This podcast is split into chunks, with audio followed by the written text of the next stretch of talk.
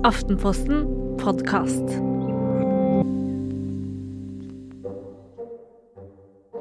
Inne, ute, ved kjøkkenbordet, under kjøkkenbordet, på gulvet, på rommet, i kjelleren, i trappa, i butikken, foran skjermen, foran TV-en, i bilen. Lite er mer opprivende enn søskenkrangling, og man føler seg ofte både mislykka og maktesløs som forelder. Og Hedvig Montgomery, hva er det søsken krangling rører ved i oss? Jeg tenker at det er to ting som skjer samtidig. Det ene er denne skuffelsen vi kjenner. Vi skaffet jo et barn til sånn at vi skulle bli gode venner og få søskenrelasjoner. Og så er det de bruker denne muligheten til, er å stikke hverandre. Så, så, det ene er den der. Det andre som skjer, er jo at dette er noe som skjer mellom barna. Det er egentlig ikke noen plass til oss. Så når vi kommer inn og skal prøve å fikse opp i dette, så er det ikke noen plass til den voksne som kommer opp og fikser opp. Eh, det blir rett og slett bare dårlig stemning av det også. Ja. Så er det nærmest ikke rart man føler seg maktesløs. Nei, men hva er det det egentlig bunner i som regel? Hva er det, hva er det de slåss om? Ja, altså, de slåss jo om helt uh, nedpå-ting. De slåss om uh, hvem som er sterkest. De slåss om ting. Hvem som skal ha hva. Mm -hmm. Og de slåss om oppmerksomhet. Nemlig hvem er det som får mest av uh, oss rundt. Så de, de, slåss rett og slett om posisjon og om ting. Men er det noen aldre eller aldersintervaller mellom søsken der man skal være ekstra forberedt på mye ståk, eller som er der det er utsatt for ekstra mye krangling? Ja, det kan man jo lure på. Eh, den gode nyheten er at som regel så går søskenkrangling over når eldstemann bikker 13, altså går inn i tenårstiden. Mm. Eh, men frem til da så, så, kommer det i varierende bølger, og i ganske mange familier så fortsetter det også inn i tenårene. Jeg må si det. Hva er det for noe som øker risikoen? Jo, det er noen ting som øker ja. risikoen for søskenkrangling. Det ene er at de er av samme kjønn. Det gjør det. Det gjør det. Eh, så vanligst er, når vi virkelig har de store, sterke søskenrivaliseringene, er at de er eh, to jenter eller to gutter. Ehm, det andre det er hvor tett de er i alder. Og jo tettere de er i alder, jo mer er behovet for å slåss om hvem som er sterkest. Er det litt mer aldersspenn, så er det mer avklart hvem det er som er størst og sterkest. Mm. Så, så, skulle jeg si noe helt generelt, så er det det. Men samtidig så må jeg også si at jeg ser at barn som er uh, veldig forskjellige, ofte finner lettere ut av det i noen perioder, for så å bli mer sure på hverandre i andre perioder pga. disse forskjellene. Jeg ser at barn som har store aldersforskjeller, også innimellom trenger å bryne seg på hverandre og finne ut av dette her. Hvem er du egentlig? For man finner jo også ut noen ting når man krangler. Altså Tenk deg selv hvis du hadde levd i et parforhold hvor det bare var harmoni. Hadde dere egentlig blitt kjent med hverandre hvis du aldri hadde fått de der eh, litt bak fasaden-brytningene? Så jeg tror også vi bare må erkjenne at barn har også et behov, helt uavhengig av alder og, og kjønn, for å, å, kjenne hverandre litt på tennene. Du var inne på at uh, det er ofte når man er samme kjønn at det eksploderer. Og vi får jo ta noen eksempler her, og da begynner vi med et nettopp da, med to gutter på fem og sju år. Og dette er altså et spørsmål fra lyttere, hvor moren skriver at søskenkranglinga blir fysisk med en gang. Når en konflikt oppstår, går de rett til slag og dytting uten egentlig å si noe særlig. De bare gyver løs på hverandre. Og Da sier hun at da føler hun seg jo veldig rådvill for hvordan hun skal megle, eller gripe inn, eller hva det nå måtte være. Så hvordan skal hun egentlig gå fram her? Jeg må jo si at jeg kjenner meg godt igjen. Som mamma, som guttemamma selv, så er det litt forbløffende å se at uh, de bruker det fysiske språket så mye fortere enn det jeg er komfortabel med i hvert fall. Og det høres ut som jeg ikke er alene om det. Mm. Uh, men jeg tror for det første så er det noen ting å være klar over. Det er at barn de prøver jo nå å finne ut av å løse en konflikt. Og akkurat der og da, altså kanskje kan de få lov til å slåss litt. Det er ikke sikkert at det er noen krise. Se situasjonen litt an. Eh, hvis ikke så finner de ikke ut av det. Men det andre det er ok, etterpå når de er blitt skilt, når ting har gått litt over. Og si hva var det egentlig som skjedde, hva var det du ble sur for der? Prøve å finne ut av det og si ja ja, så du ville også ha tennisballen eller fjernkontrollen eller hva det nå kan være. Det er ganske Mm. neppe ting. Og si ja, klart du ville det. Kunne du, kunne du ha løst det på noe annet vis? Altså begynne å introdusere muligheten for dem.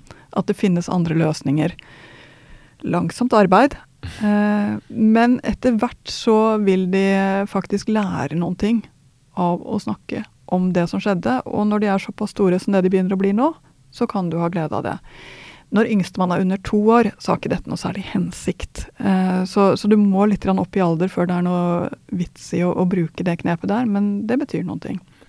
Interessant det du sier med at de kanskje bare skal få lov å slåss litt. For det jeg lurer på da er altså Det er jo en sånn slags refleks i oss at ved, ved minste antydning til konflikt, så skal vi Nei! Mm, Slutt opp og skill disse to kampene og vekk, og hvert sitt hjørne eventuelt, og sånne ting. Men, det, men vi skal altså kontrollere denne refleksen litt, da. Altså det som er veldig rart, det er at når man snakker med voksne om sine søskenrelasjoner, Mm. så ser man at noen av de som er best venner i voksen alder, faktisk, har krangla ganske mye som barn. Og så elsker de å snakke om det. Og så elsker de å snakke om det. Uh, og jeg tror at det ikke er helt tilfeldig, fordi det er også noen ting med nærheten det ligger i å ta en fight. Den anerkjennelsen det ligger i at du har vært å fighte med, som har en betydning for hvordan man blir kjent med hverandre. Jeg hadde ikke tenkt så veldig mye på dette her før jeg fikk et barn som var ganske sykt som lillebror. Og det var ingen krangel med storebror. Storebror hentet storebror, ordnet. Storebror var sånn drømmestorebror hele tiden. Så ble det lille barnet både større, men også friskt. Og jeg husker første gangen jeg hørte at de to krangla. Og da var det helt riktig på nevene. Og jeg skjønte at det var et utrolig godt tegn. Fordi endelig så storebror på lillebror som en som eh, var verdt å krangle med, og som hadde noe å ta igjen med. Og han hadde rett. Han hadde en helt presis beskrivelse av det. Så hva så jeg for noe av det? Jo, jeg så at det gjorde at de kom enda nærmere hverandre etterpå. Mm. Eh, forsoning er noe fint når det får lov til å gå sin vei.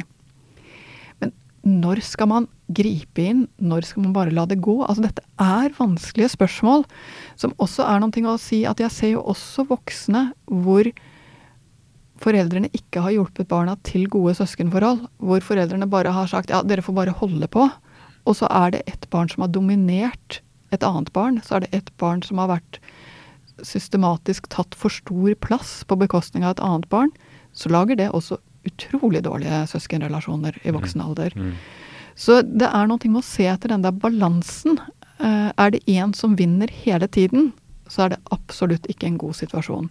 Er det en som får lov til å bruke, eh, eller en som bruker eh, stygge karakteristikker om et annet barn igjen og igjen, så vil det føre til skade over tid. Så den der å, å vite at du må også inn og veilede Nei, du kan faktisk ikke si det om et annet menneske. Heller ikke om søsteren din eller broren din. Du må inn og si sånne ting og, og dytte i riktig retning. At denne gangen så, eh, så ble dere helt ballstyret eh, over et spill. Det er ikke akkurat sånn dere kan fortsette å snakke med hverandre. Hva kunne dere gjort for noe istedenfor? Altså, de trenger den der veiledningen og de små dyttene i riktig retning. Også etter at de har eh, vært i konflikten sin, og kanskje til og med blitt venner igjen. Mm, Men i de familiene hvor det er helt sånn fordragelig, da, hvor det nesten ikke er noe skurr i det hele tatt, er det ikke så bra for den langsiktige relasjonen, da, eller? Jeg vil ikke si det sånn, for det kan være så mange grunner til at det er bra. Det kan f.eks. være at det ikke er så mye å krangle om. Fordi de eh, er forskjellige i hva de er interessert i. Det ser jeg en del ting av. Da blir det jo mindre krangel om tingene. Mm, Det kan være at det rett og slett er et ganske et hjem som er preget av den der roen. eh, og at de voksne ikke smeller med dører og skriker til hverandre. Altså hvordan vi voksne løser våre problemer, påvirker ganske mye hvordan barna gjør det også. Det er helt i orden. Mm. At dere har funnet andre måter å vise frem andre måter å løse konflikten på. Så hvis det er konflikter som blir løst i de hjemmene hvor det ikke er så mye bråk, så er det helt i orden, og kanskje bare en annen måte å gjøre det på som fungerer. Så jeg, jeg vil ikke holde frem eh, hjemmene med høyt lydnivå som noe nødvendigvis bedre eller verre, men jeg tror også dette har noe med kultur å gjøre. I noen hjem så er det høyere tak for, for hvordan, eh, hvor store fakter man bruker og, enn det det er i andre hjem. Det har også noe med hvem som bor der å gjøre. Mm. Interessant det du sa om at de tar litt etter foreldrene. Litt sånn relatert til dette, eh, spørsmål fra en lytter vi har fått, for jeg tror at hun selv ble utsatt for en del sånn old school sanksjonering ved krangling osv. Satt inn på rommet sitt og skilt på den måten, timeout-variant. Eh, og hun skriver at i kampens hete med sine egne barn nå, da, så tar hun meg stadig oftere i å rope 'slutt! Nå er det nok!' Når barna slåss, da. Etterfulgt av at de liksom bærer dem bort hvis ikke det nytter, og flytter de vekk uten å liksom stenge de inne, da. Hun presiserer det. Eh, dette er liksom sånn siste utvei-variant. Og så skriver hun at dette gir jo umiddelbar effekt, kanskje derfor eh, jeg går på den samme blemma gjentatte ganger. De blir forundra, kanskje litt skremt, og noen ganger stille og lytter alvorlig. Så da har hun jo i og for seg oppnådd noe. Men hun lurer på hva kan jeg gjøre istedenfor å rope og skrike? Ja, nettopp, da. For å være en god veileder i hvordan de kan løse konflikter senere i livet selv. Altså, jeg må si det er noen ting på veien her som man kan gjøre. Og det handler så mye om forebygging, så det er mulig at dette er et uh, litt kjedelig svar, men jeg begynner der. Mm. Og så kommer jeg inne på grepene underveis okay. etterpå. Okay? Men i situasjonene så er det første å prøve å bevare roen etter beste evne selv. Og nei, du vil ikke klare det hver gang. Men at du ikke kommer inn og blir en tredje deltaker i krigen, er i hvert fall eh, bra. Så begynn med å, å, prøve å bevare roen selv. Det andre det er prøv å lage rett og slett muligheter for å samarbeide. Situasjoner hvor ungene får lov til å samarbeide. Bake sammen, gjøre noe sammen. altså Under en viss sånn veiledning hvor du ser at dere fungerer sammen, og de fungerer sammen at de hjelper deg og du hjelper dem, er faktisk også med på å lage dette samarbeidsklimaet hjemme. Så hva dere gjør for noe når det ikke er bråk, betyr faktisk mer enn det du kanskje tenker. Du blir så opphengt i de der øyeblikkene hvor det er bråk at du glemmer alle disse andre stundene som er enda viktigere. Spesielt for barna. Så let etter stunder hvor det er mulig for dere å fungere, og steder hvor det er mulig å fungere. I hinderløypsbanen eller på ballbanen eller hva det nå kan være for noen ting. Så tror jeg også at barn er forskjellige, og de trenger at vi ser at de er forskjellige. Så når det ene barnet klager over at uh, søsteren er så utrolig jålete, så skal du virkelig være, si ja, og vet du hva, det er kjempefint, for verden trenger også noen sånne. Eh, altså rett og slett feir forskjellene lite grann. Ja. Eh, broren min er alltid så langsom. Ja, noen er langsommere, vet du hva. Det trengs. Hadde alle vært like kjappe, så hadde alle gjort de samme feilene. Finn, altså, finn rett og slett anledninger til å vise frem at, uh, at forskjellene er fine. Mm. Og at det er noe å være litt stolt av. Og også mellom deg og, og den voksne du eventuelt bor sammen med. Ja, han er rotete, og det er noe fint i det også. Eller jeg er rotete, og det der er vi bare forskjellige. altså Rett og slett Vær litt åpen med forskjeller. Ja. Det tror jeg er fint.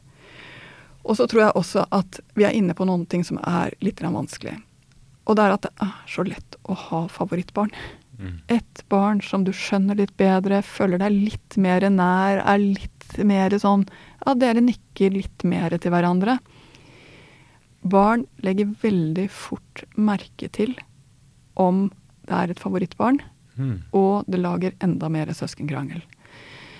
Så dette skjer så umerkelig. Det er nesten litt rart, fordi det er jo ikke det vi, vi ønsker det. Det er bare det at det å like noen er så rett fra hjertet. Men vi må rett fra hjertet finne god plass til alle barna våre. Og hvert og ett av barna trenger å kjenne at jeg er spesiell, og jeg er elsket for den jeg er. Så det også å lage tid i en familie til å være alene med hvert av barna, og lage tid til å finne ut av det barnet som du kanskje føler deg minst lik, er også med på å forebygge søskenkrangling. Både nå og i voksen alder. Så det forebygger også arveoppgjørskrangling. Ok, ja. Men når det smeller, da? For det er det hun tror jeg er mest ute etter. For eh, jeg tror hun har kontroll kanskje på det liksom forebyggingssiden hva som egentlig er lurt, men likevel så klarer hun ikke å unngå at det liksom smeller, og da griper hun inn med og bærer og roper og skriker. Altså jeg tror at når det smeller, så er det noen ting du må vite. Det ene er at uh, it takes two to tango. De har begge to bidratt på et eller annet vis, og det du ser av den siste fliken, Ja. er bare en bitte liten del av sannheten. Ja. Så den første tingen, det er unngå å gå inn og være dommer Ja. og si at du får ikke lov til å gjøre sånn mot broren din, eller det kan du ikke si. Begynn OK, nå er vi i denne situasjonen. Dere krangler. Du må rett og slett inn og lage en ny likestilling mellom dem Mm. ved nettopp å ikke si det der får du ikke lov til, eller sånn kan du ikke gjøre. Men å si OK, nå er vi der. Dere har uh, røket i tottene. Et eller annet har skjedd. Da vil det stort sett komme noen ord ut av barna. Da skal du høre etter. Fordi det som er redd, lett, det er at du har blitt så sint selv på at de igjen er der, at du ikke hører hva de sier. For det er ikke bare barn som hører dårligere når det er opprørt. Vi hører også dårligere. Så hør etter hva som blir sagt, og si OK, jeg skjønner. Akkurat det kan vi ikke gjøre så mye med akkurat nå. Eller ja, akkurat sånn var hun akkurat nå. Og vet du hva? Det finnes andre måter å løse det på. Altså, du må litt sånn tydelig inn og vise det. Og så eh, må du både der og da, men også senere jobbe med dette her. Finne andre måter å løse konflikter på enn denne ene. Nemlig å, å bare krangle til uten ende. Så tror jeg også at det er noen ting med at når Vi tenker ofte at kranglene bare handler om det som skjer i denne situasjonen. Men jeg må vel si at ofte ser jeg at søskenkrangling handler om andre ting i livet til barnet. Et barn som har det dårlig på skolen, føler seg utenfor i vennegjengen, kommer hjem og setter seg på småsøsken for å liksom ja, på et eller annet vis lage balanse inni seg. Det er en utrolig dårlig måte å lage balanse på, men ganske vanlig. Så jeg tenker også når jeg ser at konfliktnivået går opp i en familie, så tenker jeg hva er det egentlig som skjer i disse barnas liv? Hva er det som gjør at det akkurat nå er så mye å krangle om, og så om å gjøre og markere styrke? For ofte så er det også et signal på at noen ting må forstås når vi ser endringer. Altså at det er, blir stadig mer, f.eks. Hva er det egentlig som skjer da? Så igjen, vi voksne har en litt sånn På en måte så kan vi gjøre mindre enn det vi tror, for vi kan ikke gå inn og dømme. Men på den annen side så kan vi gjøre mer enn det vi tenker. For vi kan gå inn og ta litt sånn helikopterperspektiv. Og det trenger barna, for det klarer de ikke selv. Jeg vil gjerne komme med et tips eh, selv, og det er at du kan også kjøpe deg en ordentlig kraftig blender med sånn veldig sterk motor. Så har du alltid bananer klar, alltid noe yoghurt eller melk eller noe sånt. Og når det smeller, så sier du bare til barna 'Nå går vi bort og knuser ting!' Og så putter du masse uh, greier oppi blenderen og bare Og alle er like blide etterpå. Og jeg må også si, det vidunderlige med blenderrådet ditt er at, vet du hva? Sultne, trøtte unger krangler alltid mest. Barn som kjeder seg, krangler alltid mest. Eh, og når du er i de situasjonene at de er sultne, trøtte og kjeder seg, så er kanskje nettopp det endre scenen, gjør noe annet, er kanskje det mest øyeblikkelig riktige. Og hvis du da attpåtil klarer å putte litt næring inn i samme øvelsen, jeg syns det høres genialt ut.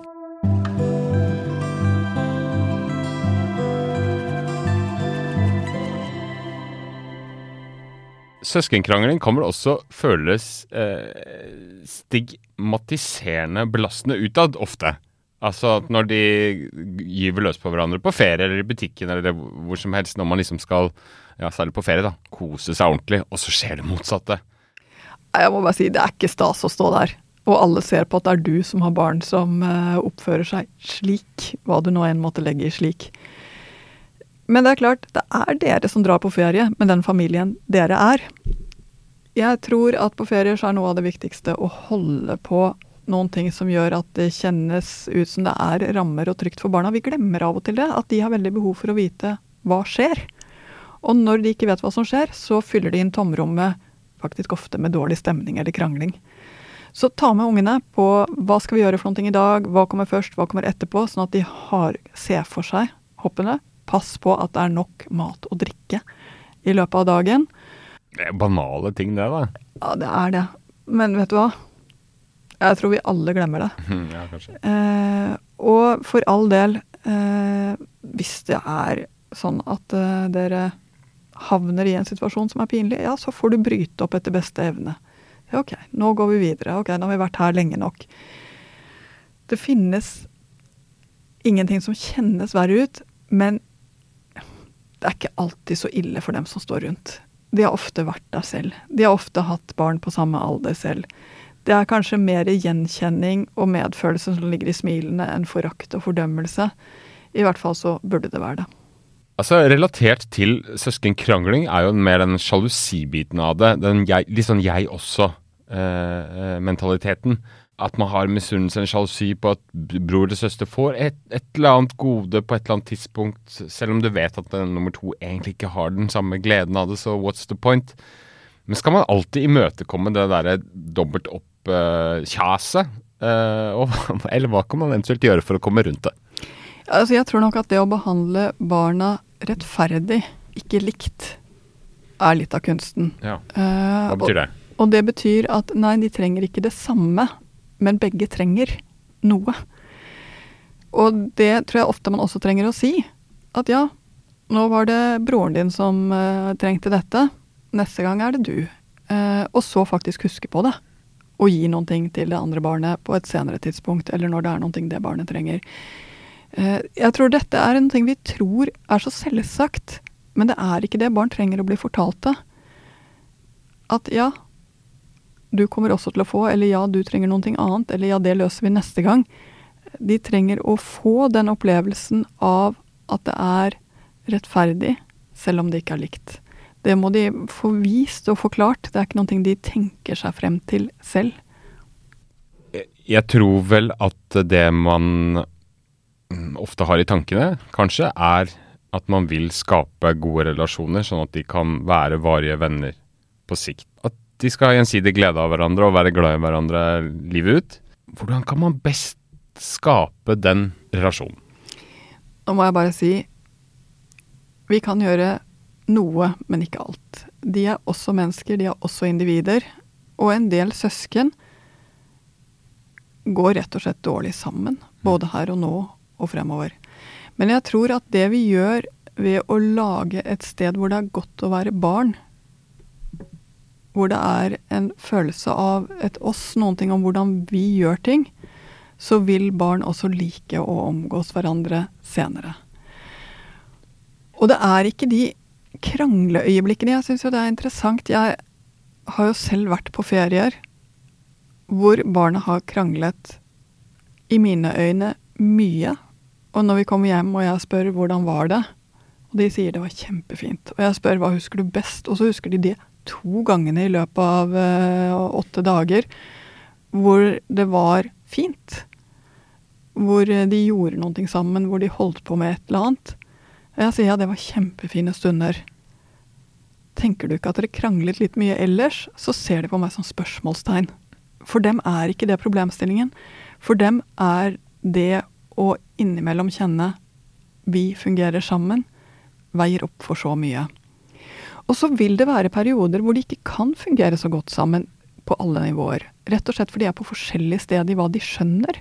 Én har gått et uh, sprang i å forstå mer avanserte ting av det som blir sagt eller det som blir hørt, har kanskje fått en mer avansert humor og kan bli skuffet over et småsøsken som han trodde var en god venn, og som viser seg å være utrolig enkel. Ikke sant? Uh, og da trenger du å si 'jeg vet, men vet du hva? Lillesøsteren din kommer også til å komme dit at hun skjønner disse tingene, og da kan dere le av det sammen. Men akkurat nå er det andre ting dere kan gjøre sammen. De trenger faktisk å få forklart litt grann. At dere står på hver deres kant, eller hver deres side av en utviklingsstrek innimellom. Fordi de kan ikke være venner med hverandre gjennom hele barndommen på samme måte som de er venner med jevnaldrende. Det er det ene. Og det andre det er at også venner krangler. Selv når de er helt jevngamle. Og de som har tvillinger, kan bare love meg de ser jo det. Men det det er en del av det å bli kjent. Det er en del av det å lære seg å løse konflikter. Det er en del av det å bli gode meglere. Lære seg å tilpasse seg, lære seg å gi og ta. Så hvert og ett av disse punktene hvor det smeller, er også et læringspunkt i å være menneske sammen. Vi lar det være siste ord for uh, dagen. Takk for at du hørte på. Vi høres igjen neste mandag. Ha det bra.